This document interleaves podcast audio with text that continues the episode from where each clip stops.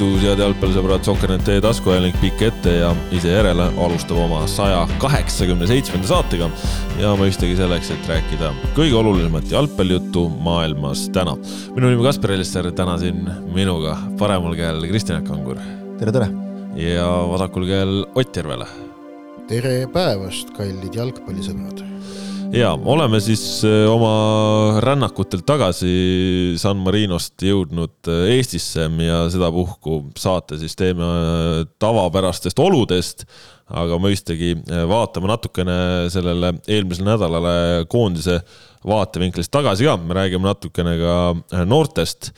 Eesti jalgpallis, räägime premium-liigast ja saate lõppu ka põnevam teema ehk siis äh, see, mis ootab premium-liigat ees uuel aastal, VAR, videokohtunikud. lahkame natukene äh, seda teemat ka, aga hakkame algusest peale minema ja, ja läheme siis tõesti Eesti A-koondisega siin saate alustuseks. Äh, mudast väljas, C-liigas ja, ja see Rahvuste Liiga D-divisjon lõpetati siis täiseduga kõik mängud, mis peeti, kõik võideti. viimati siis San Marinot neli-null, ehk siis kui me, kui me seal nädalake tagasi ennustasime, et mis saab, siis saime isegi vist natukene parema tulemuse, seal vist optimistlikumad skoorid olid meil kolmeväravalised võidud, saime neljaväravalise võidu.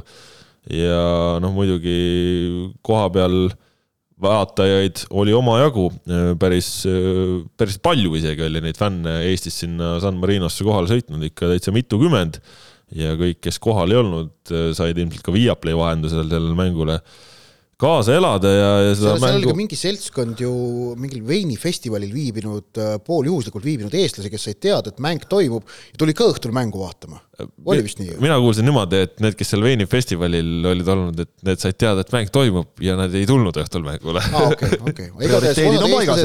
osad eestlased viibisid samal ajal San Marinos veinifestivalil mis on tore, et inimesed käivad veinifestivalidel mööda Euroopat. see on vaata üldse nagu tavaks saanud, et, et mine kuhu tahad, ikka igal pool on, on keegi, et kus on rahvatantsurühm, kus on veinifestivali seltskond. jah, Paide, Paide sõitis pahaaimamatult suvel Gruusiasse. jälle eestlased ja selles mõttes ma sain aru fännidega rääkides seal, kes olid siis äh, juba mängueelsel päeval äh, käinud ka seal San Marino mäe otsas jalutamas, siis seal ikka igal pool kippus olevat eesti keelt, aga, aga ma sain aru, et vähemalt osa nendest äh, veinituristidest olid ikkagi Eestimaa veinipealinnast Põltsamaalt, nii et äh, ju siis seal on kuidagi hinges see. omakorda tekitab nagu küsimuse. joobakultuur. ja, et Gruusias nagu öeldi, et kus seal nagu siis veinifestivali osalejad olid. aga võib-olla olid, aga, aga ühesõnaga jah. võib-olla nad olid, olid ka seal festivalil ja sellepärast ei teadnudki, et. Äh, ja ka võib-olla jah. mängule ei, ei jõudnud. mäng, mäng on. ja, aga no igatahes siis äh, mäng. Need, kes mängule tulid need nägid vähemalt väravaid. Äh, tõsi, nad pidid ootama talle? no pidi ootama, aga, aga oleme ausad, et vähemalt äh, noh, noh, ega Eesti koondis lööb harva neli väravat isegi väga harva ja, ja San Marino, tõsi, on Euroopa kõige nõrgem jalgpalliriik, aga ka nendele ei löö naljalt iga võistkond nelja väravat. Leedu lõi tänavu kaks, Island lõi ühe, Eesti lõi neli ja kodus lõi kaks, ehk et Rahvuste Liigas kokku nelja mänguga kümme väravat, neljast mängust neli võitu. E, noh, väravad löödi, üks penaltist, teine oli Karl-Jakob Heino oma värav, mis Eestile löödi nende mängude käigus. ma, ma endiselt ütlen, et, et mitte, et see oleks nüüd mingi tohutu kiitmise subjekt, see D-divisjoni alagrupi äravõitmine, aga aga see oli praegu see väljakutse, millega Eesti koondis silmitsi oli ja see täideti äh, sada protsenti ära. rahule võib nagu ikka jääda ju. et jah, tõesti kiitmise koht ei ole, ega nagu keegi ei ole kiitnud ka ju tegelikult, ega siin nagu lakke hüpanud, et see on, see on natukene ma ei ütle, et kiitmise jaoks..., ma ei, ma, ma ei ütle, et see, see ei ole ülistamise koht, aga kiita tuleb ikkagi, töö tehti ära ju. mõistlikult noh, eks, töö tehti ära, see on natukene nagu see rubriik, et noh, otse öeldes nagu maakeeli, et noh, ka siit töö tuleb ära teha. et äh, jah, see ei ole nagu mingi lakke hüppamise koht, aga, aga on neid koondisi ka, kes ei ole sealt D-divisjonist välja saanud Läti. Et, nüüd sai kolmandal no, katsel. eks ole, kolmandal katsel ja ütleme niimoodi, et ikka väga nagu üle noatera tegelikult, sest et äh, viimaste sekunditeni täiesti oli asi veel lahtine. suutsid lasta seal endale lüüa ja noh, mida iganes, eks ole, et, et Andorral, aga noh, tehti ära kui mõlemad riigid tegid ära, siis ma arvan, siin ikkagi peame natuke aplodeerima ka, ma panen veel siit suurepärase aplausi, mida, mida inimesed kuulevad.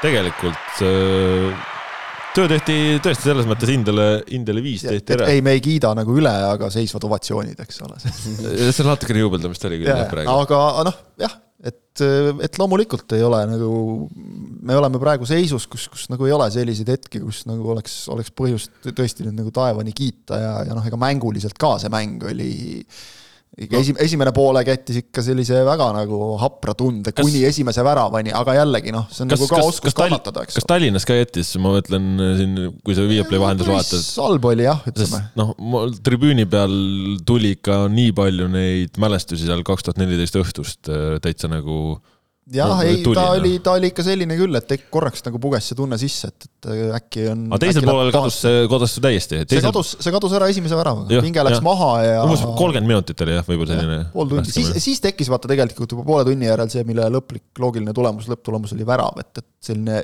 esimest korda saadi nagu surve peal. Henri Anierilt äh, väga mõjukas äh, koondise nädal järjekordselt mõlemas mängus lõi tema otsustavad väravad see on siis nüüd neljast Rahvuste Liiga mängust kolmes olid tema väravad need, mis otsustasid mängu Eesti kasuks ära. Äh, ma arvan, et, et Anieri jaoks, äh, Anier tõestas väga selgelt oma, oma unikaalset väärtust Eesti koondise jaoks. ja, ja Anieri enda jaoks ka kindlasti olulised, sest liigas pole tulnud, eks ole, aga nüüd hea näide sellest, et noh, see ei ole probleem, kui vaja, siis löön ning, ning oleme ausad, möödunud nädal Eesti koondise ümber tõstis ju ka debati sellest üles, kas ja kuivõrd palju peaks Eesti koondis tegelema noorendamisega, noorematele võimaluse andmisega. ja, ja siin ma nüüd sissejuhatuseks tule lihtsalt, kuidas noh, tsiteerin või viitan oma, oma kolleegi Joosep Susi meenutusele, kes ütles eelmisel nädalas selles Kuku saates, mida me koos teeme, et äh, kuidas tuli Eesti koondis või kuidas jõudis Eesti, millise koosseisuga Eesti koondis jõudis kaks tuhat üksteist Euroopa meistrivõistluste play-off'i ehk et tegi oma läbi aegade parima tulemuse, jõudes Euroopa kahekümne parema sekka. ennekõike kahekümnendate lõpus ja kolmekümnendate alguses olevate mängijatega, kelle mänguaeg koduklubides osade puhul oli, oli üpris napp ehk et ei olnud seal ju toona võistkonnas äh, teab mis palju noori mängijaid. Äh, noh, Kaimar Saagil oli mingisugune roll äh, noorematest, aga, aga, aga noh, verinoori ju võistkonnas toona tegelikult ei olnudki olid kogenud mängijad ja, ja nendega tehti tulemust.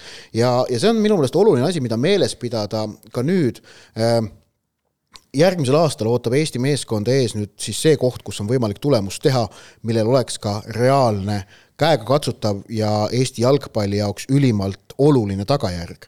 ehk et on võimalik pääseda Euroopa või mängida Euroopa meistrivõistluste finaalturniirile pääsemise nimel.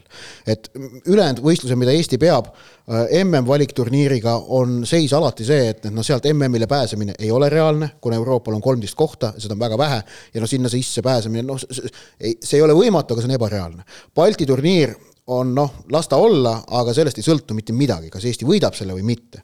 ning Rahvuste Liiga ähm, tagajärg tegelikult noh, oleks uhke mängida ilmselt B-divisjonis, kui see õnnestuks, noh, A-divisjoni tõusmine oleks ulme äh,, aga, aga, aga, aga ka sellel tegelikult otsest tagajärge ähm, mis nagu tekitaks sellise tohutu uhkuse tunde, ei ole. et ikkagi koht ja asi, mida Eesti meeste jalgpallikoondis püüab nüüd juba üle kahekümne, üle kolmekümne aasta, on pääsemine finaalturniirile. ja Euroopa meistrivõistluste finaalturniiril, kus mängib kakskümmend neli koondist, sinna pääsemine eh, on väga keeruline, aga ei ole ebareaalne. ning EM-valiksari nüüd Eesti meeskonda kaks tuhat kakskümmend kolm ees ootab, eh, võib-olla ka kaks tuhat kakskümmend neli märtsis play-off Äh, mille, mille jaoks loodi siis võimalus läbi selle, et oli D-divisjoni parim alagrupi võitja, edestati Lätit äh, selles arvestuses. ja, ja see on nüüd koht, kus tuleb teha tulemust see, see on tegelikult ka, see on nüüd nelja aasta jooksul esimene koht, kus on võimalik ja, ja vaja teha tulemust. eelmine oli kaks tuhat üheksateist, kui mängiti eelmist EM-valiksarja. sest EM-valiksarjad on Eesti koondise jaoks kõige tähtsamad ja kõige olulisemad turniirid, seal on midagi võimalik saavutada. ning tulemust äh, tuleb teha nendega, kes parajasti on kõige paremad.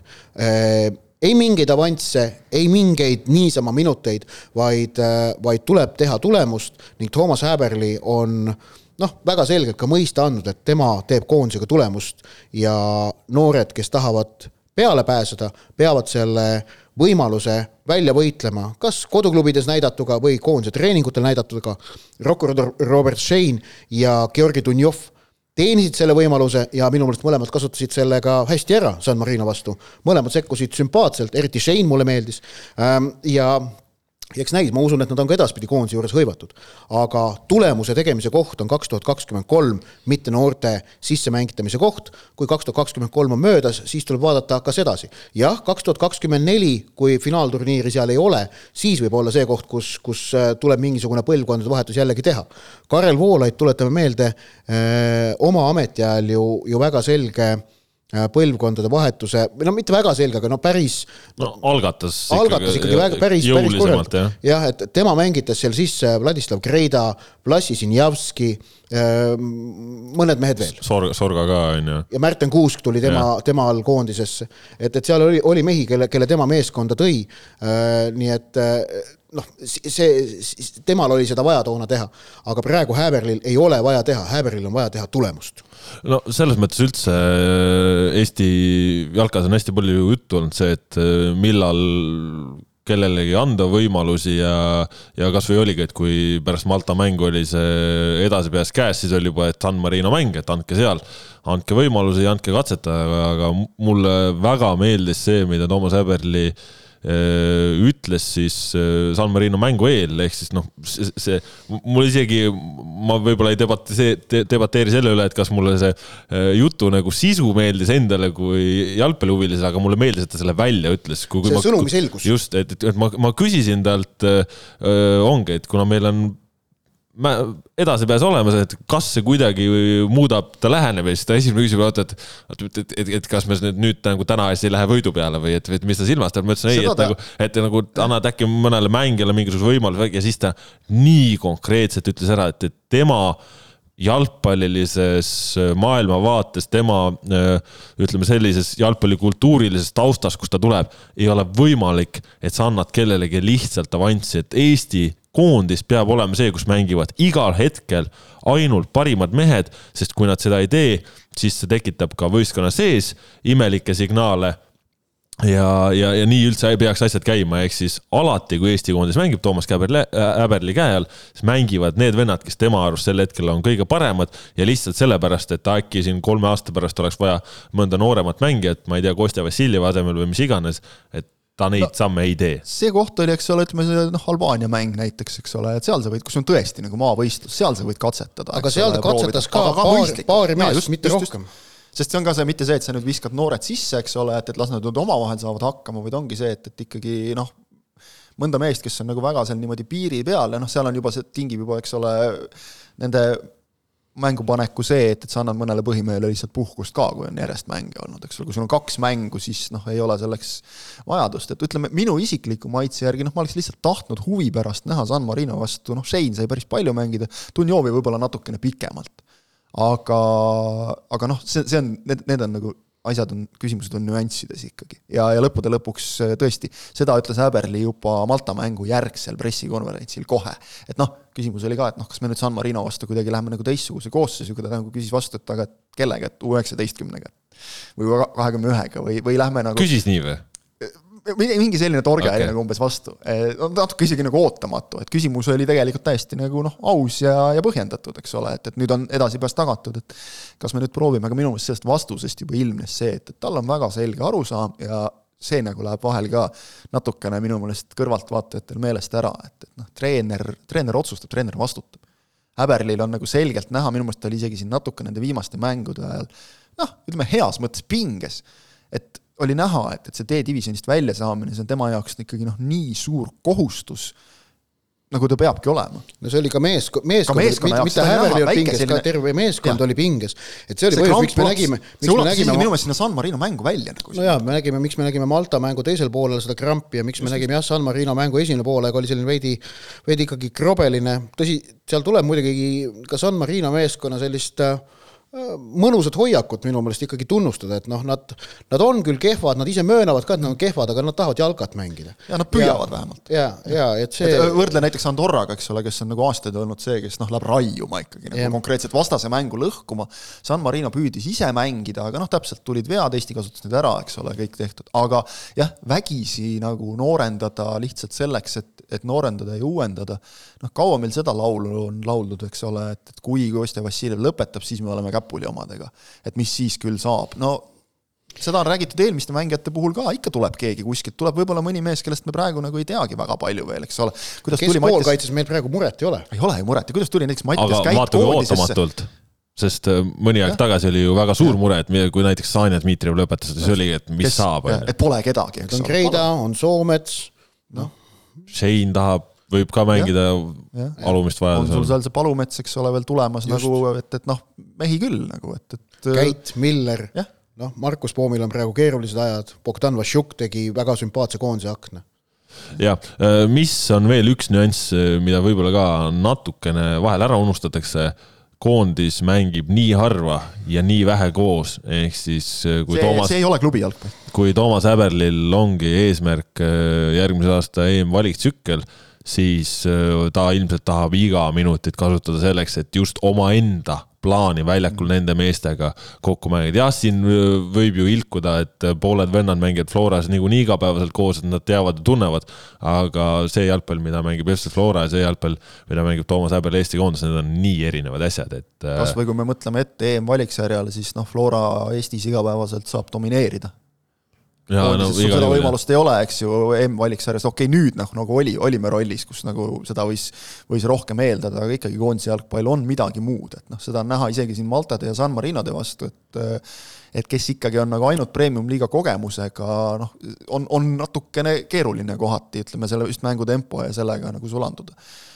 et, äh, et kokkuvõttes ma arvan küll see noorenduskuur toimib nagu loomu, loomulikul ja loogilisel teel, et, et noh, nüüd nõuda siin välismaa, meil on neid ju, ärme nüüd räägime siin ühest nimest, Oliver Jürgensist ainult, räägime teistest ka, et, et meil on ju, meil on mööda Euroopat praegu laiali akadeemiates mängijaid, et selles suhtes seis on, on nagu väga hea, ma ütleks.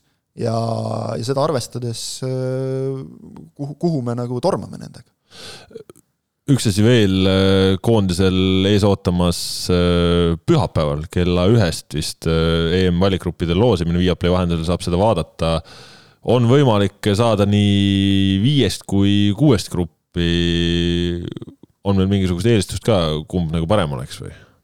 et see ei ole ausalt öelda, et seal jah, kuuese puhul on siis see, et see, see kuues liige oleks kas võidetav vastane. Liechtenstein, San Marino või Andorra Äh, need, need kolm satsi on selles nõnda kuuendas potis, ehk et viiekümne viiest viiskümmend kolm on sedapuhku loosimisel, kuna Venemaa on kõrvaldatud ja Saksamaa võõrustab. nii et, ähm, nii et noh, kui, tuleb kuuene grupp, siis on seal üks nendest kolmest on sees, äh, mille kohta noh, mida on aeg-ajalt nagu eelistatud, noh et siis on, siis on nõnda öelda kaks mängu, kus on ka võidukohustus ja selge võidu, võidu, väga kindel võiduvõimalus olemas. ma, ma ise arvan, et see ei ole teab mis tähtis, kas sa oled seal viieses või kuueses, et see, see nagu ei mõjuta eriti suurt midagi. eesmärk on lõpuks ikkagi ju mängida teise koha peale ja, ja mis, mis tagaks pääsu EM, EM-finaalturniirile. noh, tõsi, muidugi võib juhtuda alagrupp, kus seda reaalset varianti ei tekigi, et kui sul, kui satud ühte alagruppi Prantsusmaa, Inglismaaga, noh siis on nagu keeruline seal kahe parema sekka proovida kohta püüda. kas ka tänase Inglismaa vastu? oota, ma ei mõtle, kas Prantsusmaa oli üldse top asetusega, äkki Prantsusmaa ei ole, aga no, no, Prantsusmaa langes eh, teise diviisi. Eh, ei, Prantsusmaa ei langenud B-divisjoni, Inglismaa langes. kas Prantsusmaa esimeses tugevusgrupis oli, seda ma ei mäleta, no, no okei okay,, võtame ülevalt kellegi muud, Hispaania. et noh, kui sa satud Hispaania ja Inglismaaga samasse valikgruppi, no seal on keeruline kahe parema hulka pääseda. aga, aga seal on ka variante, et see, et see valikgrupp võib tulla selline, kus nagu noh, annab, annab nuputada eh, hoopis, hoopis enam. Et äh, eesmärk on teise koha peal mängida, seetõttu ei ole vahet, kas sa oled viieses, viieses või ja, ja ütleme noh, minu meelest miinimumeesmärk, eks ole, kui me maksimumist räägime, on jah muidugi teine koht, aga miinimumeesmärk on see, et äh, noh, ka viieses grupis kedagi edestada Jah. et, et see, see peaks nagu, ütleme, kui me räägime reaalsetest Eesti asetus on nelja, viiendas tugevusgrupis, et kui see on juba samm edasi, eks ole kui. õnnestuks mängida välja neljas koht, nagu, nagu õnnestus ju eelmises valiksarjas, MM-valiksarjas oli Eesti samamoodi viiendast tugevusgrupist loositi, aga saavutati neljas koht. eelmine aasta Häberli juhendamisel Valgevenet edestati, sest Walesiga tehti ka viik ja Valgevene kodus võideti. et noh, see oli tegelikult ikkagi ka noh, See oli asjaoluliselt- korda läinud, ma Oli. korda läinud, aga noh No ikka oli. tehti oma, tehti oma asi ära, ütleme. selles mõttes ikkagi ju korda läinud, et kui sa viiendast potist tuled ja saad neljanda poti vastasest nagu jagu grupi kokkuvõttes, siis ei saa ju nuriseda tegelikult. ja no saame näha, ühesõnaga siis pühapäeval kell üks äh, Viaplayst äh, saab seda loosimist vaadata, saame teada, milliseks meil see alagrupp kujuneb. noh, tõesti, seal on väga eriilmelisi valikuid väga tugevatest, väga mängitavateni. tahaks ise sellist alagruppi lihtsalt, kus noh, keegi atraktiivne on ka, eks, aga kus oleks võimalik mängida jalgpalli ja, ja teha tulemust, et äh, oota, mis mõttes, kelle vastu ei ole võimalik mängida jalgpalli? maailmas on mõned koondised, kelle vastu tundub, et see on justkui võimatu ülesanne. noh, Belgia. Belgia vastu tegelikult mängiti ka, eelmine aasta Brüsselis mängiti küll. Päris seal kenasti. mängiti jah, seal mängiti jah. noh, näiteks seda. kodus. Belgiat ütleme jälle ei. tahaks, noh, see võiks nagu olla natuke. ja, ja vaata, jah, ta tahaks variatiivsus värs,. värs, värskust tahaks küll jah, natuke jah. jah, saaks selle Soome ikka ühe korra nagu valikmängudes ka kätte, see oleks lihtsalt sündmusena. Soome võiks võita küll. jah, neid võiks, noh, võiks ju nagu mõelda täiesti ikkagi nende võitmise peale. Kosovot. tahaks ka kätte saada lõpuks. jah, noh, ah, see erinevate vastaste püüdmine, noh, see see on pigem nagu mi- minu seisukohast on lihtsalt see, et noh, jälle samad nagu, et noh. Kosovo on nii kõrgel lihtsalt ju selles mõttes seda äh, nagu selles mõttes arvestades, kus nad asuvad. nii raskelt vastast tahad lihtsalt saada, see on ei, ma mõtlen ei, ma mõtlen, et äh, kes on nende kõrval seal samal tugevusastmel, seal selles mõttes tundub nagu äh, tore lahendus. no nii palju sellest. Kangur, sa juba siin mainisid neid äh, noori, kes on mööda ilma laiali. nüüd äh, saame sellest natuke rohkem ka rääkida.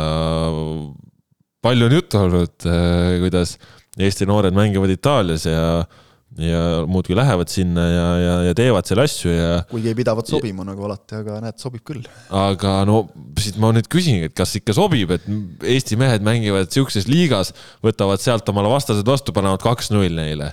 vaata seal see, ütleme Itaalia puhul hästi lühidalt kokkuvõttes, seal on see natukene, ütleme, Georgi Dunjov mõnes mõttes nagu ilmestab ka seda, seda nagu probleemi, et, et see tegelikult, et ta mängis Serie A-s, oli nagu suur üllatus kõigile, et üldiselt Itaalias need see, see aste nagu noorte jalgast meeste jalgasse, seda, seda on keeruline teha ja sa peadki käima sealt seeriat seest kaarega läbi ja noh, see on selline korralik nagu ellujäämiskursus, mitte et ta nüüd muudes tippliigades nagu hirmus palju lihtsam oleks, aga et noh, Itaalias nagu noori kohe nii kergelt ja no tõesti nagu päris noori nagu nii kergelt ei, ei edutata aga, aga noh, jällegi kõik sõltub sellest, et kui mees sa ise oled. et, et kui sa nagu suudad selle ära seedida ka, eks ole, täpselt nagu Dunjov, et, et mängidki seeriat sees ja siis seeria B-s sa ei ole ka põhimängija, see, see kõik annab su arengule kaasa, sa oled seal kahekümne kahe, kahekümne kolme aastane, võib-olla hakkad alles siis mängima noh, nagu suuri mänge ja pidevalt ja, ja see on ka täiesti okei. Okay aga ma arvan, et, et see igapäevane trennitase, mida saadakse välismaa akadeemiates, sest noh, Eestis me ju teame, suurim probleem on see, et, et sul ei ole lihtsalt mängija võib olla individuaalselt heal tasemel, aga sul ei ole seda keskkonda nagu niivõrd kõvasid mängijaid ümber, kelle, kellega mängida, et, et seetõttu praegu see, see liikumine ükskõik kuhu, on see siis Itaalia, on see miski muu, see on, see on ainult, ma arvan, ainult positiivne. eks ma ilkusin, ilkusin rohkem selle pealt, et U19 koondis pani Itaalia kaks-null magama ja et Bosniat võideti ka ja no oleks see Itaalia vastu, kes nagu seal mängu tipphetki vaatab, siis noh, kohati tekib küsimus, et millega seal nagu Itaalia poisid tegelevad, et, et kui sellise koha pealt annab ka mööda lüüa või vastu väravavahti lüüa, aga noh, mis see Eesti mure nagu on, eks jah. et lööd kaks tükki lõpus ära, kusjuures tegelikult see teine värav osutus lõpuks ülioluliseks sest tänu väravate vahele sai Eesti edasi, aga noh, see on see, et natuke peab õnne ka olema. Ja kui sa ikkagi võidad äh, neljaliikmelises alagrupis Itaaliat ja Bosniat, siis sa teed mingeid asju väga õigesti, järelikult see, see ei ole õnne küsimus. see ei ole õnn, kui sa lööd Itaaliale lõpus kaks tükki ja tuleb Bosnia vastu null kahe pealt äh, lõpuminutite väravaga välja ja võidad kolm-kaks, vaid, vaid see näitab sisu ja, sisu ja, ja klassi, mida Ja- ja sellel tegelikult, sellel Poola vastu- U19 meeskonnal tuleb välja, on omajagu ja Poola vastu tehti ju ka tegelikult korralik mäng. eliitringi pääsemine, tuletan meelde, tähendab Euroopa kahekümne kaheksa parema sekka jõudmist. see on äh, kahekümne üheksa, okei okay,, finaalturniiri korraldaja on ka veel juures, noh, Malta on sedapuhku korraldaja, saanud vaba pääsema. et see on väga korralik saavutus igale Eesti noortekoondisele, kes sellega hakkama on saanud ja ja järjekordne valus, valus hoop kõigi nende kiunute, kiunute jaoks, kelle meelest kõik on täiesti pekkis ja arvestame seda, et, et meil on ju, see peaks olema vist erandlik aasta, kus kaks koondist jõudis aasta jooksul eliitringi. Seitseteist ka, eks ole. just. seda pole minu meelest varem olnud. eliitringis on mängitud küll, aga, aga mitte nii, et, et nagu kaks noh, ütleme tegelikult kaks järjestikust koondist. et äh, pole paha, ütlevad Eesti poliitika kunagised alla käinud suurkuju Erling Haaland ütles ka, et et kui küsiti, et kuidas on, et lõid kolm tükki Manchester Unitedil, ütles not bad, ei selles mõttes tõesti, eks siin seda furoori olnud ja, ja no vahepeal tõesti noortekoondiste ümber toimuv on tundunud juba täiesti lootusetu, sest äh, seal vahepeal need tulemused läinud selliseks, et hoia nagu kahe käega peast kinni, no mitte midagi ei tule. Ja siis meil vahepeal oli see null kolm vanuse U seitseteist koondis, kes, kes tegi ja tuli ja siis nad lõid U üheksateistkümnesse üle. Ja nüüd nagu ei toiminud, aga nüüd on nüüd null neli poisid on seal U üheksateistkümnes ja, ja Alo Pärengrub on nad äh, saanud nagu mõnusalt mängima. see, et midagi ei tule, see, see, et midagi ei tule, see on minu meelest nagu paljuski U kahekümne ühe pealt tekkinud ja seal on noh, tõesti lihtsalt see häda, et kes nagu vähegi asjalik on, see mängib juba A-koondises et noh, see meie valik on nagu nii väike ja, ja, ja sealt, sealt kuidagi nagu käriseb, et, et see, see U kakskümmend üks on olnud niisugune noh, nagu must lammas selles plaanis. mitte ainult nüüd viimases selles valiktsüklis, kus nagu ikka väga noh, läks nii, nii halvasti, et enam halvemini ei saa tegelikult. aga, aga varem ka tegelikult on olnud just see, et vaata U kahekümne ühe peal on nagu rohkem tähelepanu, et kui sul seal U kaheksateist, U seitseteist, U üheksateist mängivad mingisuguseid neid valiksarju, et noh, kui nad edasi ei saa, ega tegelikult sellele nagu selline väga lai avalikkus väga suurt tähelepanu ei pööra. U kakskümmend üks on see, et noh, jälle saite peksa. seda nagu kõik näevad. aga et noh, ma ütleks, et noh, alati saab muidugi väga palju paremini väga paljusid asju teha, aga aga kui praegu nagu vaadata, siis nagu järelkasvu tundub ikka olevat küll, et, et see on ju selge, et sealt osad kukuvad ära kui vaadata siin kas või neid varasemaid eliitringides mänginud äh, U, U üheksateist koondiseid, aga sealt on ikka tulnud ka. sealt on kõik need Karol Metsad ja, ja Henri Anierid on ju kõik sealt tulnud, eks ole, tegelikult, et äh, et, et ma usun, et küll neid osatakse hoida ka, et, et kindlasti nende poiste jaoks, kes välismaal ka on, on nagu eriti raske see, et Eestis noh, tõusta sul sealt noorteklassist premium-liiga mängijaks on noh, ütleme ikkagi tegelikult võib öelda lihtne et kui sa vähegi hea oled, siis oma võimaluse saad, et seal on neid võimalusi vähem, et noh, ei läheks kuidagi talendid raisku, aga aga samas noh, sellisest konkurentsist nagu sealt tulebki läbi tulla selleks, et olla tegija, kui sa tahad olla tegija, kui me tahame oma koondisega kuskile nagu kõrgemale jõuda sellest viiendast potist, ütleme, eks ole, siis, siis tulebki see kadalipp läbida, ma arvan. meenutaks klassikuid. asjad pole kunagi niivõrd hästi, nagu nad paistavad, aga ka mitte niivõrd halvasti, kui nad paistavad jah, see on äh, mõnus summeering sellele, igatahes äh, üks mees, kes U üheksateistkümne eest lõi värava, Daniel Luts, jõudis äh, koondisega Tallinnas maanduda, kui helistas Nikita Andreev, et kuule, pane valmis ennast, sul on pühapäeval vaja väljakule minna Nõmme Kalju vastu. Ja, ja läks Daniel Luts siis Zakaria Begašvili iseenda asemel Le Levadia algkoosseisus Kalju vastu peale ja tegi no nii särtsaka esimese poole, et, et kohe oli tehtud. palju tal oli, kaks mängu, eks ole? üks selline nipet-näpet. no mõlemad olid nipet-näpet, jah. no teine oli ikka vähe asjalik no,. No, Andrei, Andrei äh, ja siis kohe põhis. haistis hästi ära, et, et see on nagu mõistlik koht, kus anda säärane võimalus, et oleks Levadia veel tiitlivõitluses sees, nad ei oleks mitte midagi sellist saanud endale lubada otse loomulikult, aga nad ei ole, nad on sellest pika puuga väljas ja, ja Andreevilt äh, noh, tark treeneri käik et ta nägi no. seda võimalust äh,, äh nä-, pani, ütleme sellise noh, nägi selles võrrandis loogilist kohta, et kõik see Lutsu emotsioon, millega ta tuli U19 koondisest. ja, ja tugevad mängud kasutada. ka all tegelikult seal mm., tugevad mängud ka tal all seal. just, ja, ja et mitte anda see võimalus, ütleme noh, sellise äh, Vapruse Leegioni või, või Kalevi vastu, kus Levadia võit on täiesti ootuspärane tulemus, vaid anda see võimalus mängus, kus noh, vastane on, on Eesti üks tugevamaid.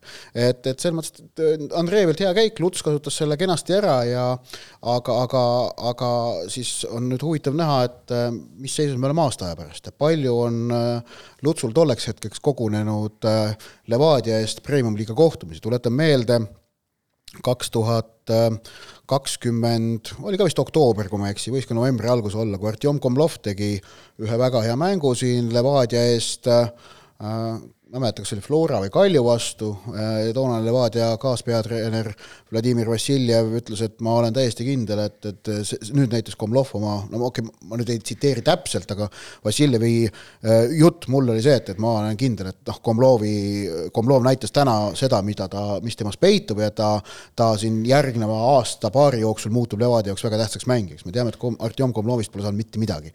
Levadia on tema talendi tegelikult ju ära raisanud. no poiss on vist ise suhteliselt ka loobunud äh, suurest jalgpallist nüüd tänaseks päevaks. no jaa, aga kas, kas, kas ta tegelikult äh, sai ta reaalselt võimalusi Levadia eest kõrgliigas? ei, ta ei saanud. kui sa perspektiivi ei näe, eks ole, siis tulevadki loobumisotsused. et, et praegu tegelikult ehk, see... ehk et noh, et see oli hea käik Andreevilt, see oli sümpaatne, äh, vaatame, mis on seis aasta aja pärast kaks käiku Andreevilt, eks ole, tuua, teine on tuua Liliu tagasi, jätame selle kõrvale, et ta värava lõi, aga see, see noh, ütleme, niisugused asjad on nagu ette kirjutatud, see on igati loogiline, et ta selle värava lõi, ta on korra enne ka, eks ole, juba vist Kaljule löönud loomulikult. Liliu ütles ka, et jumala poolt määratud. nojah, eks nii ongi, eks ole, aga, aga, aga just see, et Brasiilia oli... jalgpallis on kõik jumala poolt seda niikuinii, aga, aga lihtsalt Andreevilt kaks tuhande üheksasaja viiekümnenda aasta MM-finaal. ka see, ka see Eh, kaks nutikat käiku, et praegu oli vaja Levadial ilmselgelt kogu selle jandi järel, mida me oleme siin risti ja põiki lahanud ja võib-olla saame lahata veel natukene,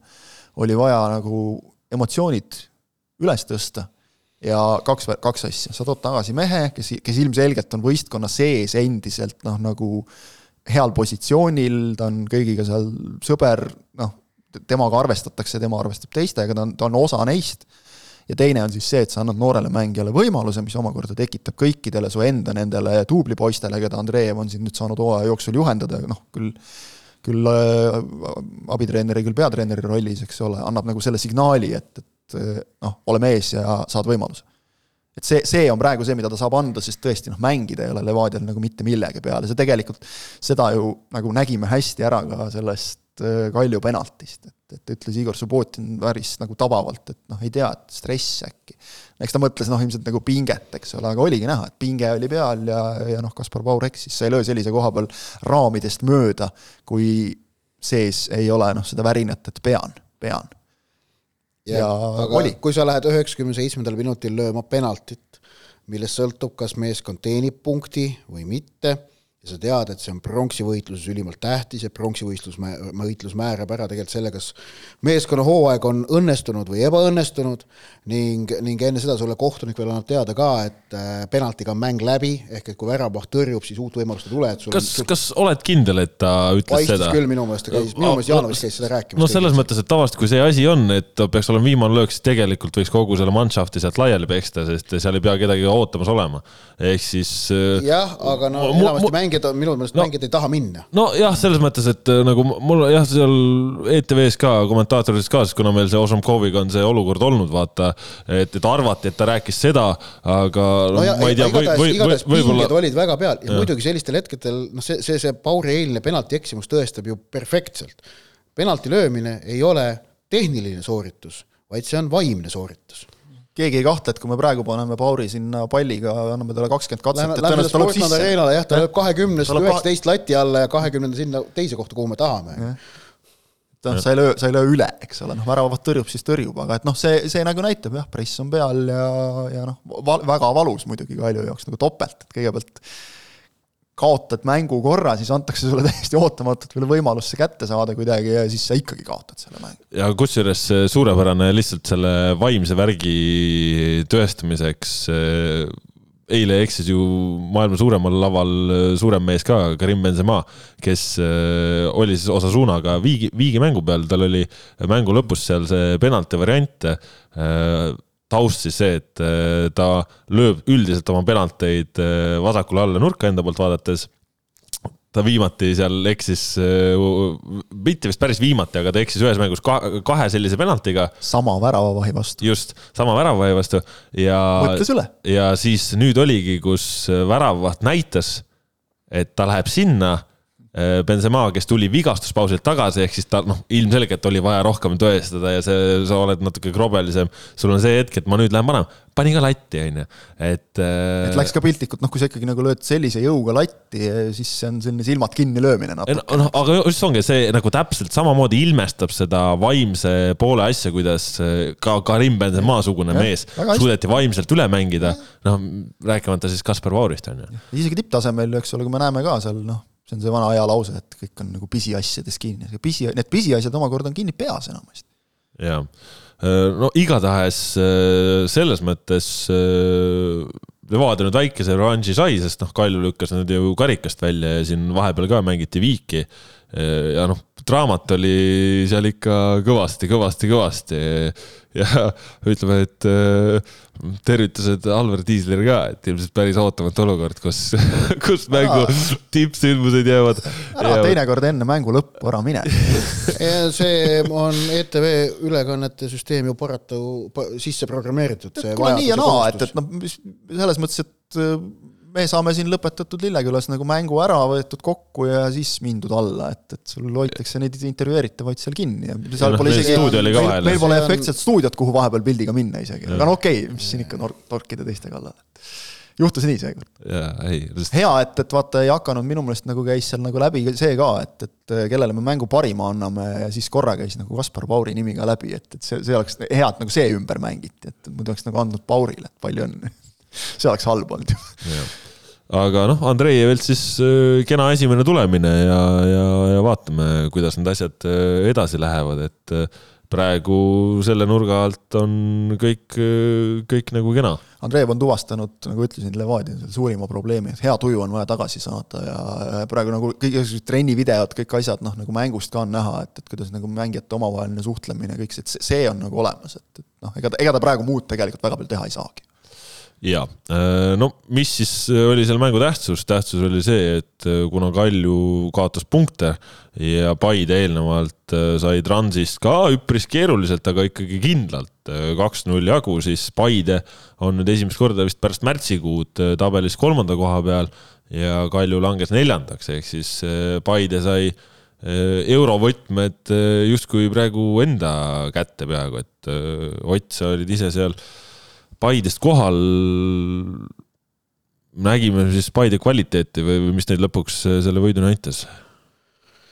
jah, ma ütleks küll, et see oli ikkagi kvaliteet, et äh, nad jäid kannatlikuks ja järjekindlaks ja, ja lõpuks jõudsid sihile. Robbie Saarma nurgalöök ja Christopher Pihti äh, pealöök nad sellest pingest vabastasid. Transilt südikas esitus, aga tuleb ka öelda, et seda lõppteravust Transil ikkagi piisavalt nappis, äh, mis on ka põhjus, et nad on tabelis kuuendal kohal ja mitte kõrgemal. ehk et, ehk et just nimelt Kuressaare on selgelt enam ja ja paremini äh, võrreldes Transiga suutnud tippudele peavalu valmistada, lüüa väravaid, tekitada võimalusi, äh, panna need esineliku võistkonnad ebamugavasse olukorda väljakul. et Trans eile proovis püüdlikult, noh, ega nende taktikalisele plaanile midagi ette heita ei ole, aga lihtsalt seda jõudu ja kvaliteeti ei olnud, et Paide, Paide ära murda. Äh, jah, kui, kui, kui oleks saanud Pubakar Tambetuu punase kaardi, mitte kollase selle Deniss Tedescole tehtud vea eest ja ma arvan, see oli selline just säärane piiripealne olukord, et Varr ei sekkuks, kui Varr oleks siis, äh, siis võinuks see mäng min-, võtta teistsuguse pöörde, noh, ei võtnud, äh, ja, ja Paide need kaardid, mis neile, mis neil, mis neile jagati, suutis lõpuks nagu võidutihiks kokku vormida, et, et see, see näitabki võistkonna taset. aga see pronksivõitlus muidugi jätkub põnevana, ma olen selles täitsa veendunud ja selles mõttes äh, just seda vürtsi lisabki ju see, et noh, ega see vahe oli muidu ka väike ja ja oleks ta eilse järel jäänud samamoodi pisikeseks, ei oleks ka mitte midagi hullu olnud, aga just see, et see väike nagu faasi muutus nii-öelda, et, et Paide nüüd läks korraks jällegi Kaljuste ettepoole, et see lisab, ma arvan, sellist mõnusat, mõnusat pinget siia, siia hooaja lõpplahendusse. millal nad olid üldse Kaljuste ees? märtsis. märts, eks ju, just, just. ja üks kord, ühe vooru järel vist, eks ole. täitsa alguses, jah. täitsa algul, jah. et noh see psühholoogiliselt kindlasti väga, väga oluline nende jaoks ja just ma ütleks, et see oli selline mäng, et äh, neid äh, on Paide kippunud sel hooajal enamasti isegi mitte kaotama, aga viiki mängima. ja noh, oleks nüüd tulnud, ütleme jälle, eks ole, viik, siis oleks nagu olnud ikka eriti hea näide sellest Paide üles-alla käimisest, et Leegioniga viik, siis kümme-null võit, siis jälle viik. mängus, kus noh, tegelikult noh, ma ei ütleks, Paide ikkagi vääris nagu ütleks võitu selles mängus, et, nad tegid natuke rohkem selleks. Aga noh endiselt tõesti kõik nagu lahti, seal on omavaheline mäng veel ees ootamas pronksi peale ja kõik, aga kui vaadata, kuidas meeskonnad liiguvad, siis tegelikult seda sai öeldud juba mõnda aega tagasi, kui Paide hakkas euromängude järel tulema, et ikkagi ülesmäge liigub Paide nagu selgelt. Ja ma ei ütleks, et Kalju nüüd nagu allamäge läheb, aga et noh, nad on nagu nüüd jäänud mingile tasandile pidama ja juurde panna on väga raske, sest lihtsalt ei ole ikkagi võistkonnas seda, seda sügavust ka ja, ja paratamatult, kui sa oled nii õhukese koosseisuga mänginud terve hooaja, siis lihtsalt mehed on juba läbi natukene omadega et okei okay,, siin Kaljule andis see koondise paus nagu võimaluse veidike hinge tõmmata, aga, aga mulle tundub, et mingi, mingist ressursist on nagu puudu ja noh, kui sa saad nüüd sellise just nagu vaimses plaanis sellise laksu Levadia vastu, kus noh, seal küll ei saa nüüd öelda, et Levadia tingimata oleks võitu rohkem väärinud, et see oli, see oli, ma ütleks ikkagi kahe võrdse võistkonna mäng ja, ja kui sa sellise nagu niimoodi kaotad, siis see on muidugi valus pauk. Jaa, absoluutselt, noh, nädalavahetusel veel natukene miskit toimus, Flora alistas Leegioni neli-üks ja tegelikult on üpris lähedal sellele, et järgmisel nädalavahetusel omal tiitel ka matemaatiliselt ära kindlustada, Kuressaare Tammeka tegi kaks-kaks, noh, nendest mängudest pole palju mõtet rääkida, sellepärast et meil oli laupäeval üks mäng, mis pakkus ikkagi väga palju kõneainet. Pärnu vaprus, Tallinna Kalev Kadriorus, Kalev sai üks-null võidu Vaprus sai kaheteistkümnenda järjestikuse kaotuse ja, ja seda siis olukorras, kus äh, mäng oli selline, et palli valdamine seal kuuekümne ja, ja mingite statistikate kohaselt isegi üle kuuekümne äh, Pärnu kasuks, võimalusi meeletult palju rohkem, Pärnu vaprusel väga häid võimalusi värava eest, kõiki asju, isegi penalti oli neil ja, ja ei tulnud. Statistika ei võida mänge paraku, tuleb vaprusel sel hooajal tõdeda et, ega, ega tõesti selles mõttes nad ei mängi kehvemini kui, kui nii mõnigi tagumise otsa võistkond, aga punkte ei tule.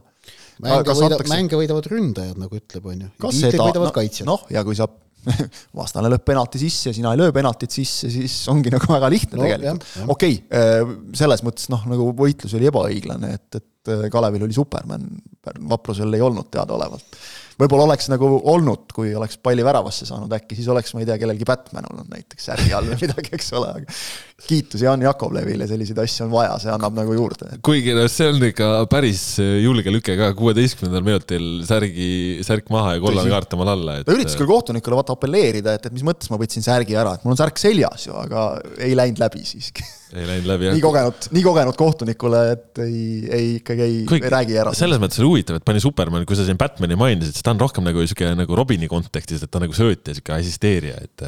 jaa, aga noh, kui sa vaatad nagu samas ikkagi, kuidas ta Kalevit vedanud on sel hooajal, siis, siis, siis on ikka Batman küll Batman ja Superman ja kõik asjad kokku, aga jah, noh, taas Kalevi kohta võib sajandat korda rääkida sama juttu, et noh, nüüd, nüüd nad on vist tõesti nagu ikka nagu täiesti selgelt ka püsima jäämise igatepidi kindlustanud, et, et siin Deniss Belov küll ütles Leegioni mängu järel, et, et kuniks matemaatiliselt on, et võimalik, seni me usume ja siis hakkas ise ka natukene naerma selle peale, noh, õige suhtumine, peabki suhtuma nii, aga aga eks me ju reaalselt saame aru, kuidas need asjad on kõik. aga vaprusel jah, noh, lihtsalt äh, sinu elu ilmselt ütleme, kõige pikem intekas kõige väiksema küsimuste arvuga Ja. sellele vist pretendeerib. ja sellele pretendeerib küll jah, ja üldse kogu see äh, ooteprotsess pluss siis järeltöötlusprotsess üpris, üpris äh, pikale venis, aga, aga tõesti soovitan lugeda Dmitri Kalašnikovs, kes veel ei ole lugenud, äh, mida ta siis selle järjekordse kaotatud mängu järel rääkis, tõi välja päris nagu selliseid huvitavaid nüansse ja noh, oli, oli näha, et, et et eh, noh, mees on löödud ja, ja mees on nagu ka väga suures kimbatuses, et ta et eh, ütles ka, et kui ta varem on siin Eestis oma neid lühikesi tööotsa saanud, siis tal oli vaja tulemust teha ja ta, ja ta võistkonnad mängisidki sedasi, et eh, palli ei olnud ja Kostkor lööb seljaga värava ja punktid käes ja kõik olemas, on ju, et nüüd ta on mänguliselt saanud võistkonnas edasi mängima, kuidas ta hooaja eel arvas, et kui niimoodi mängime, no siis tulevad igal juhul punktid. ja, ja siis nad nüüd mängisidki no, suurepärase etteaste Kalevi vastu. ja ikka ei tule. ja ei tule ja Kalevil on nendes liiga tabelis üheksateist punkti rohkem. ja, ja ta ei, ta ei saa aru, kuidas see on võimalik, et, et sellises mängus selliste jõuvahekaaludega kahe võistkonna vahel on liiga tabelis üheksateist punkti. meenutame eelmist mängu Kaleviga, eelmine mäng Kaleviga oli samasugune, eks ole, kus ka noh, nad juhtisid, olid äh, oli, oli nagu väga palju võimalusi see mäng ära võita, nad andsid ikkagi lõpuks selle kaks-kolm ära, eks. no aga no Vapruse seis on ikkagi juba praegu päris lootusetu, nad kaotavad Leegionile kuue punktiga ja omavahelistes mängudes peaksid nad olema ka nõrgemad juba kindla peale mis omakorda ju tähendab seda, et nad peavad tegelikult Leegionist mööda saama, et võrdsetest punktidest ei piisa, sest minu meelest miinuspunktid ei ole sama asi, mis tehnilised kaotused juhendi järgi, ehk et äh, kas või, või on? ma arvan, et miinuspunktid automaatselt peaksid äh, mõjuma ikkagi nagu tehniline ja, ja kirjas nagu ei ole vist otseselt. vot aga... no, seda me, seda research'i me pole teinud, et noh, kui on no kui, kui kõige, mõju, kõige loogilisem on, et, et kui sa oled ikka saanud niisuguse karistuse, siis see paneb sind minu arust äh, ikkagi lüüa alg-, hooaja alguses tabelis seal lööni okay, allapoole. igatahes noh, kas kuus või seitse punkti on vaja kuue vooruga Vaprusel tagasi teha, senist hooaega vaadates noh, see ei ole reaalne Vapruse jaoks, et, et vähe tõenäoline, et sellega no, vaatame, vaatame ka lihtsalt vastaseid nagu, et noh, kellelt ja kuidas, graafik on väga raske. seal on suuri ka, et, et kellelt, neilt sa ei võta, eks. et noh, just need, kui Kalevi vastu ei saadud, siis, siis ilmselt sellega no esiliiga on neile tagatud ja siis omakorda tegelikult nädalavahetusel sai selgeks, üpris selgeks ka see, kes esiliigas tõuseb. Äh, kuna Harju Laagri alistas äh, üks-null Aleksandr Ivanjušini väravast FC Elva, siis nende edu ka nüüd kuus vooru enne lõppu esiliigas äh, Elva ees on viis punkti ja noh, pigem peaks nagu selge olema, garantiisid muidugi ei ole, aga lõhnab selle järele siis, et Vaprus kõrgliigast välja, Laagri sinna sisse, ehk et Tallinna kesksus suureneb, Leegionit ilmselt ootab ees siis üleminekumängud Elvaga, äh, noh, kus premium-liiga võistkonnal on paratamatult ikkagi väga selge eelis, me oleme no see, see, eriti nüüd pärast solidaarsusmehhanismide rakendumist on ikkagi premium-liiga võistkondadel esiliiga tugevuselt teise iseseisva klubi ees selge eelis olemas üleminekumängudel. ehk et äh, Tallinna kesksemaks ja kõrgliiga kipub minema. Mis, mitte Tallinna, vaid Harjumaa kesksemaks. jah, ja noh, mitte ainult, ja, ja, ja mitte ainult kõrgliiga. ja, ja lisame just juurde, kes on tõusmas esiliiga B-st esiliigasse äh,, siis on sealt tulemas ju Tabasalu ja FC Tallinn. ehk et veel kaks ja kes esiliigast välja on langemas, on Viljandi Tulevik ja, ja Pärnu jalgpalliklubi. selge nagu ütleme, peegel, peegelpilt Eesti sellisest Eesti üldisest sotsiaalmajanduslikust geopoliitilisest ja, ja, olukorrast, eks ju. ja, ja kolmas, kolmas nüanss on seal ka esiliiga üleminekumängude kursil praegu siis äh, Lions äh, ülevalt poolt ja altpoolt Kalev U kakskümmend üks, ehk siis äh, mis võib veel seda muuta, sest esiliigas praegu ju kolm duublit mängib, seal üks duubli koht on vaba ja, ja Kalev saab seda täitsa vabalt omale noolida, et jah et Sest muidugi. nüüd, kui esindus, eks ole, ei lange nagu ja Kalev kindlasti tahaks väga seda nagu ära kasutada, seda, seda tõusmise võimalust. kas me Kalevi hooaega kiitsime ka või, aga noh, Tallinna Kalevi hooaeg on, on olnud, on olnud ikkagi. taas ütlen, see oli siis nüüd eelmine saade oli see, mille te välismaalt tegite üle-eelmises saates vist siis, et, et vaadakem kaheksa vooru järel üks punkt Kalevil. täpselt nii, nagu nad ütlesid, eks ole, et oodake, hakkab tulema ja noh, kõik ütlesid, et jaa, jaa, hakkab, hakkab, et noh, kõik öeldi, et no küll ta paremaks läheb, eks ole, aga et ta nagu nii heaks läheb seda ma arvan, et, kui me siin kaheksa vooruga üks punkt, jah, ja nüüd on kolmekümnega on kakskümmend seitse. noh, äh, ehk et siis äh, kahekümne kahe mänguga kakskümmend kuus punkti. Pole väga viga nagu, vaata vormitabelit praegu.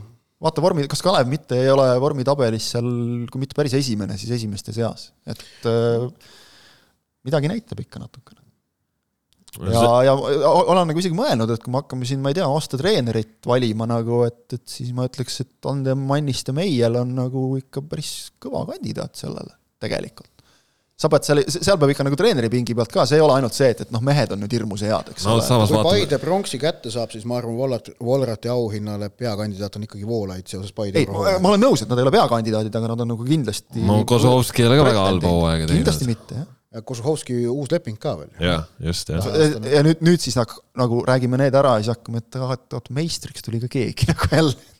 Enni kahjuks kahjuks see, et ta kaks aastat järjest võitnud ja, ja Euroopa läks lappa. kuna ta Euroopas midagi mm -hmm. ei saavutanud sel hooajal, siis ma arvan, et ta ei ole favoriit. ta on ise ka nõus, ma arvan. ta ei kvalifitseeru tänavu. ma arvan, ta on ise ka nõus, et ta ütleb, et ei kuulge, come on, et see nüüd ei olnud nii hea hoog. et vaadake, mille eest ma varem olen saanud. just, et, et see siis, siis oli nagu teenitud, noh nüüd, eks ole, okei, las saavad teised ka vahepeal. Aga jah, selles suhtes jällegi nagu hea meel tõdeda, et, et noh, on palju treenereid, kellest me saame rääkida siin, et, et see on ka ikkagi väga, väga mitme võistkonna, võistkonna edu on tulnud nagu treeneri tarkusest. me oleme ju kiitnud siin ka näiteks Martti Pähni, kes on teinud nagu väga õiged liigutused Tammekas ja nii edasi. auhinna puhul tuleb meeles pidada, et see ei ole muidugi ainult meeste jalgpalli auhind, vaid see on terve Eesti jalgpalli auhind ehk et eh, noh, on seal ju võitnud ka näiteks rannajalgpallikoondise peatreener äh, Rand ja, ja on seal ka muid variante. no Ževalajev on kandidaat olnud vist, vist ei võitnud. nii et eks näis, eks näis jah ja noh, igatahes äh.... aga Kuressaare otsus, et Kužuhovskiga uus kaheaastane leping teha, siis see on kahtlemata klubi poolt äh, tark otsus äh,. on, me oleme näinud praegu seda, mida, millist väärtust kätkeb endas ikkagi stabiilsuse hoidmine äh, Äh, klubis ja võistkonnas ja, ja Kožuhovski on suutnud Kuressaarele tekitada väga selge neile ainuomase käekirja, äh, seda võistkonda ka selle kolme aasta jooksul väga selgelt arendada. ehk et sellest äh, kaitses seisnud ja pikka palli peksnud võistkonnast on saanud hoopis mõtestatumat, põnevamat, mitmekülgsemat jalgpalli viljelev meeskond ning äh, ning see on siis vast, äh, see on õppetund kõigile edu taotlevatele Eesti kõrgliiga klubidele, et äh, pikem plaan äh, kipub jalgpallis tooma edu rohkem kui lühi-, lühikesem plaan no siin... Kuressaare on oma eesmärgid täitnud kõigil kolmel hooajal, mil Kožuhovski on meeskonda juhendanud. siin peab muidugi ütlema lõpuks ka seda, et praegu Kuressaarel pigem läks hästi, et Kožuhovski alla kirjutas, on ju, et äh, eks siin see, see ei olnud praegu niimoodi, et Kožuhovski. ma loodan, et ta ka nõudis ja ma ei, ma ei pea silmas siis nüüd äh, enda, enda palganumbrit, mida noh, loodame, et ta nõudis seda ka, et, et ta väärib kahtlemata seda, aga no, et ta esitas nõudmisi jah. klubile erinevate tingimuste osas, mis, mis valitsevad siis võistkonna ümber, võistkonna olme, võistkonna korraldatus, kõik muu selline. et, et need asjad peavad olema kvaliteetsemalt tehtud. Praegu... seal on, seal on kuulda olnud Kuressaarest, et need asjad on log-, logisenud sel hooajal, oleme ausad. ja e, e, e seda arvestades viies koht on seda enam tunnustust väärt nii treenerile kui ka meeskonnale. ja, ja eriti arvestama, eks ole, et Kuressaare on nagu pannud selle võistkonna kokku, ütleme, kogenud meestest, kellest ju päris paljud, noh muidugi suhtumise poolest on nad profid, aga nad käivad ju tööl. Nad käivad igapäevatööl, eks ole, et kui palju need mehed jõuavad, siis on need, kes, kelle, kelle, kes on siis kuskilt laenul, noh, paljud Florast, eks ole, kelle palga või noh, niivõrd-kuivõrd seda palka üldse on noormängijatel, eks ole, maksab Flora ja, ja siis neist, kelle töötasu katavad ära igasugused mehhanismid, eks ole, aga nüüd ongi see küsimus, et noh, nii sa nagu lõpmatuseni ka ei saa, eks ole, et sa saad nagu mingit meeskonda koos hoida ja nüüd tekibki nagu see olukord, et maksimum on tegelikult selles olukorras absoluutne maksimum. natuke isegi üle selle on välja mängitud, aga ega sealt nüüd enam edasi nagu ei tõuse sinna kuskile esineliku konkurentsi. sellise satsiga noh, on ikka, ükskõik kui hästi sa mängid, see on nagu paratamatu, et, et kui, kui mees tuleb sul mängule või, või trenni, eks ole, ikkagi igapäevaselt, iga, igal nädalal töölt siis see paneb piirid ette. No.. et, et see, see, selles osas nüüd on, see on nüüd nagu Kuressaare noh, juhtkonnale ka kindlasti nagu väga suur mõttekoht, et, et kui on nagu soov teha seda asja korralikult edasi ja, ja nagu vabaneda lõplikult ka sellest, ütleme noh, põhjendatult Kuressaaret saatnud sellest mingist Flora Ripatsi mainest, et siis tuleb mingites asjades nagu väga palju juurde panna, aga nüüd Kožuhovski näol vähemalt noh, nagu treener, kellel ütleme ka on kindlasti julgust seda nõuda on olemas, et noh, tõesti nagu Ott ütles, loodetavasti ta nõudis ja loodetavasti need nõudmised ka täidetakse. no selles mõttes jah, siin ei ole vaja ju üldse kuidagi seda varjata, et Kuressaare organisatoorselt kindlasti ei ole premium-liiga viienda koha võistkonna vääriline, et asjad, kus taustal käivad tegemised oluliselt professionaalsemalt, ma ei tea, kus on mängijatele tagatud kas laialdase meditsiiniabi, söök, mis iganes.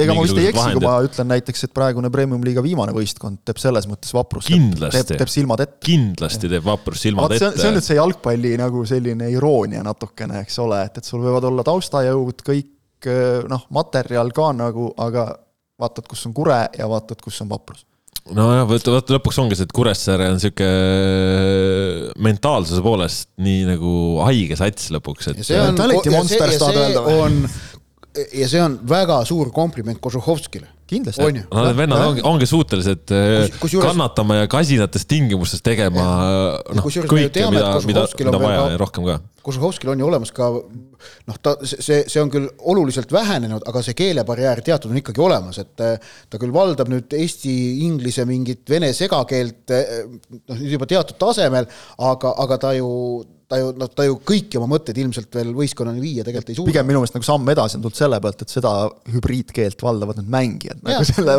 oluline no,. No, jah, aga, aga noh, kuidagi saadakse hakkama, eks ole, jah, ja, ja saadakse hakkama, eks ole, noh, seal on nagu vibe hea, aga, aga me nägime näiteks Kožuhovski nagu noortekoondise aja pealt, et kuidas see nagu ka mingil hetkel müüriks nagu muutub väga see, seal me nägime seda, et äh, koondis ja, ja, klubi jalgpall on kaks väga erinevat asja.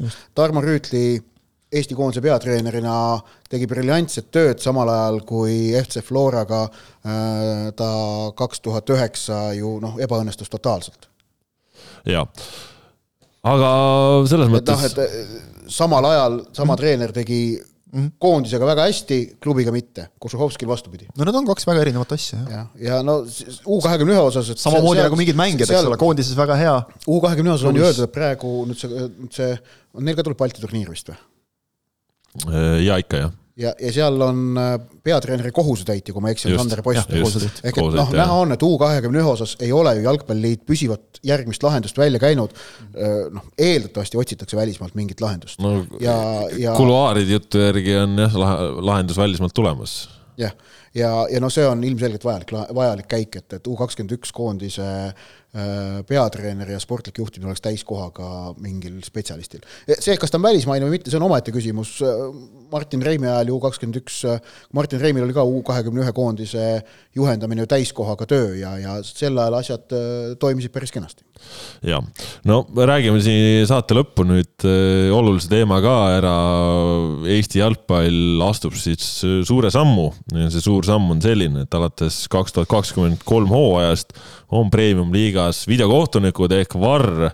kõik mängud äh, saavad VAR-iga olema, ehk siis see on siin regioonis äh, esmakordselt, lätlased teevad umbes sedasi, et äh, kahest mängust vooru peale on, on VAR ja, ja soomlastel pole ka täiu-, täiuslikult või täielikult see VAR nii-öelda tööle rakendatud meil nüüd ta tuleb, teda on kaua oodatud, teda on palju edasi lükatud, äh, peamiselt finantsilistel põhjustel ja, ja alati on räägitud, et see kasutusele võtmine äh, noh, see võtab ka aega, sest on vaja koolitada ja, ja, ja kõik need sammud, mis sinna ette käivad, on üpris ajamahukad. nüüd siis tehakse see asi ära päris kiirelt, me oleme oktoobrikuus, kui see, kui see teade tuleb ja, ja meil siis, siis äh, märtsis algaval hooajal on juba varr kasutusel, ehk siis talv tuleb väga tihe.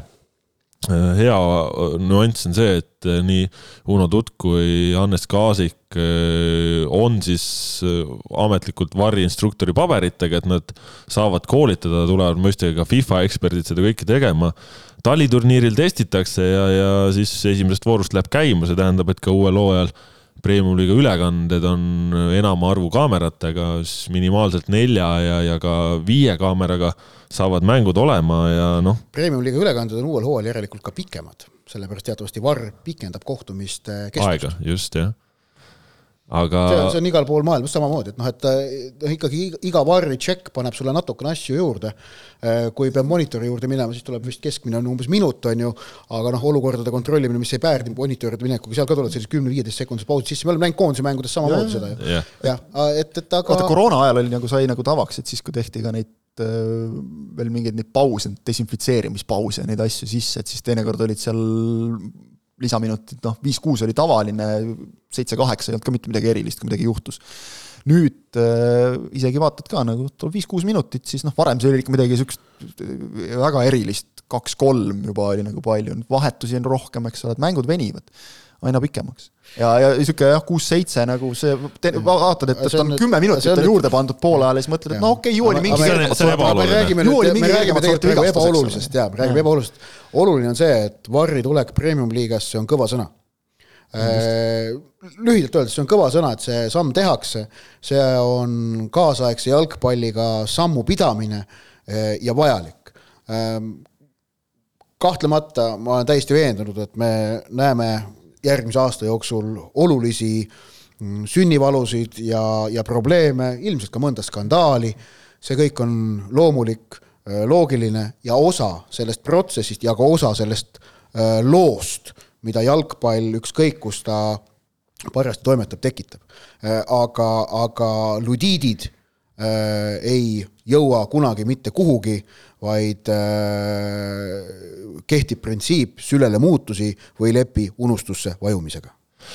Noh, siin ütleme, kui me mõtleme, et mida ta, mida ta annab, mõistagi esiteks ta võtab selle nüansi nüüd siis vähemalt väiksemaks, et kas siis tiitel, eurokohad väljalangemine saab otsustatud mingisuguse kurioosse vea tõttu. mäletame, et eelmisel aastal see tiitlilahingus kohtunikud hiljem on välja toonud, et seal läks päris mitu otsust, läks, läks valepidi ja nii edasi, ühesõnaga ta tõstab igal juhul õigete otsuste protsenti. mida ta, mida ta veel annab, on, on see, et esiteks noh, tänapäevane jalgpall on juba varriga. kohtunikud, kes on praegu jõudnud isegi Euroopas juba päris kenasse kohta, kui, kui me tahame, et nemad saaksid samme edasi astuda, siis nendel on vaja varriga mänge. mängijate jaoks samuti, kes siin praegu juba koondist mängivad varriga, eurosarjad juba suuremas faasis on varriga. noh kui sul on kodus ka see kogemus all, siis, siis see lisab nüansi ja no mõistagi inimeste jaoks, kes on staadionitel telekate taga, muutub ka asi nagu noh, mõnusamaks, täpsemaks ja noh, li, li, liiga, liiga saab ka siis väikse sellise kvaliteedimärgi juurde. staadionitel vaata on väike konks nagu on see, et. Pole ekraane. jah et, et Lillekülas on ekraan, mujal on vähe keerulisem selle. ütleme selle ka ära, siis Varri keskus saab olema A Le Coq Arena'l, et. no see on et, väga üllatav. buss, buss no, ei sõida igale staadionile. aga, aga noh, et eh, ma eeldan, et see Varr hakkab meil olema ikkagi ainult, eh, nojah, staadionitel eks näis, kas Lillekülas ka hakkab seda üldse nägema premium-liiga mängudel, ma ei oleks nii kindel äh,, suure, suure tabloo pealt, aga mm. muidu ta hakkab olema ikkagi ainult telepõhine jah, et, jah, selles mõttes, et no, no tegelikult muidugi ta, Tammel on tegelikult tabloo olemas. no ekraane Kadriorus on olemas. tablool saab näidata seda, et, et noh, mida, mis, mis on nagu Kadrioru tablool saab näidata videopilti ma ei ole kindel, et videopilt on oluline, oluline on minu meelest see staadionil, ega, ega näiteks kuskil. et tuleb VAR review või? VAR review ja mida vaadates. see on oluline, sest muidu on see, et, et kohtunik vilistas, jooksis kuskile ekraani juurde ja me ei saa midagi aru, et ilmselt mujal tuleb see lahendada nagu teadvustamisega või noh. no selles mõttes. sest, sest isegi ütleme näiteks Inglismaa näide on see, et, et seal olid ka mingid staadionid, paar tükki, üks oli vist Old Trafford näiteks, kus ei ole sellist suurt seda, seda jumbotroni või, või noh, seda tohutu suurt ekraani ja seal teadvustati, et VAR vaatab ja mida ta vaatab no selles mõttes oleks, oleks tore küll, kui, kui Varra aitaks. Portland Arenal jätkatakse praeguste kommetega, siis on meil seal selline silt, mis riputatakse üles kuskile konksu otsa, et Varr vaatab ja, ja siis teine silt on see, et mida ta vaatab, et käega mäng, punane kaart, mis iganes. et ma usun, et need tahvlid on kahtlemata Jalgpalliliidul juba tellitud ja me näeme Sportland Arenal nende kasutamist samamoodi nagu praegu on seal kodus võõrsil tablood. Just... Nad võiksid ainult olla nagu vaata sinna tribüünile nähtavad ka erinevalt näiteks mingitest reklaamidest, mis on praegu nagu mõeldud publikule, aga mida keegi ei näe. tegelikult ma muidugi ironiseerin. Just, kuulake, see on suurepärane võimalus, et lõpuks ometi oleks premium-liigas kõikidel staadionitel normaalne tabloo. No, loodame optimist oled, kui arvad, no, näed ka seda. see on hea võimalus lihtsalt. ei, võimalus küll. ei, noh, tegelikult on see, et nad äh, Varri jaoks videoekraaniga tabloo ei tundu minu meelest nagu mõistlik investeering tabloo, mis peaks olema, on umbes selline, mida Paide praegu oma kodumängudel kasutab, et see peaks olema ka Sportland Arenal, muidu igal pool on ju olemas tegelikult. Faamal Paides... on, Faamal, Faamal on ka tabloo olemas, sa näed seisu ja mänguaega. tegelikult, no tegelikult, tegelikult, tegelikult premium-liigas on vaja korralikku valgustablood, kus sa näed seisu ja mänguaega mida ei ole peamiselt Sportland Arenal. ja mida ei ole Sportland Arenal, jah, just. mujal, mujal ongi Paide, Paides ju näiteks minu meelest see on Kuressaares ka jah. keegi kohalik, kes, eks ole, nagu nii-öelda noh, pool hobi korras seda teeb, et, et aga ongi, et leia need inimesed üles ja, ja noh, kuidagi leiad lahenduse mm.. see, et Sportlandil ei ole, kus meil siin vahepeal oli seis, kus mängiti, oli mängitud pool hooajast, eks ole, sellel samal staadionil, noh, see on tegelikult piinlik natukene. et saaks, selle saaks nagu ära parandada päris kiiresti äkki aga, aga Varr jah, noh, taliturniir tuleb ka juba huvitav, taliturniiril näeme neid kasvuraskuseid eh, omajagu, aga. kuskil peab katsetama ja see on hea koht, et noh, seal on ka mõned mängud alati olnud siuksed, kus läheb nagu ikka hirmus mõisa peale mänguks ja andmiseks, et seal küll neid olukordi ka tekib, kus saad punaseid kaarte üle vaadata ja kõike, aga. aga, aga ärge, ärge nagu. turniiri puhul on häda see, et seal eh, sul ei ole normaalseid kaamerapositsioone, ehk et sealt on, seal on olukord, kui, kui hallis mängitakse, siis eh, seal olukordade ülevaatamine on keerulisem kindlasti jah. kuhu sa, ma hakkasin isegi mõtlema, kus sa seal panna saad üldse. no robotitega saad serva, servade peale ka. jaa, aga ma mõtlen, kus sa paned kohtuniku ekraani, kas peab otsajoone juurde jooksma. noh, vahet pole, seal pole ju vahet, kus, kus kohas kohtunik ekraani juurde läheb, et. aga, aga noh, ei maksa kindlasti nüüd nagu oodata, et see nüüd jällegi lahendab nagu kõik probleemid, et ärme unustame, sa ütlesid ka neli kaamerat vähemalt, eks ole, mängudel, et, et noh, ETV-l on praegu juba rohkem, aga et noh, me ei hakka siin kunagi ei hakata ilmselt tegema premium-liigat mingi kahekümne nelja kaameraga, et sa kõik nurgad ära katad, et ärge nagu vaadake seda, mis nagu on kuskil mujal maailmas äh, tippliigades, vaid, vaid vaadake nagu rahulikult var, seda. see tuleb Var Light. jah, see tuleb Var Light selles, aga ta on parem kui see, mis oli kuskil mingi Moldova teine liiga või kus mobiili pealt näidati kohtunikule ja siis vana läks, muutis otsuse ümber kohe ja no kuskilt peab alustama ja kindlasti teeb see asju paremaks ja aitab normaalses suunas areneda, väga suur väljaminek ka. ja ma arvan, et see muudab ka premium-liiga kui toote atraktiivsemaks. ja tõsiseltvõetavamaks, põnevamaks. nalja võib teha, aga ausalt öeldes näha nagu selle asja juures mingeid miinuseid, reaalseid miinuseid on noh, siis tuleb nagu jõuga otsida. et, et plusse seevastu on päris palju ja vot sellised jalgpallijutud täna, mida toob uus nädal, eks seda näeme siis. igatahes saja kaheksakümne seitsmendas Pikk ette teise järjeles olid jalgpallijutud just sellised, nagu nad täna said. rääkisime päris mitmetel teemadel ja, ja, ja vast oli tore kuulata uued jutud uuel nädalal. tänast saate tõid teieni Kaspar Eester, Kristjan Kangur, Ott Järvele. kuulake meid jälle, püsige ikka Sokkerneti lainel, kõik oluline jalgpallist meil olemas. Adjõ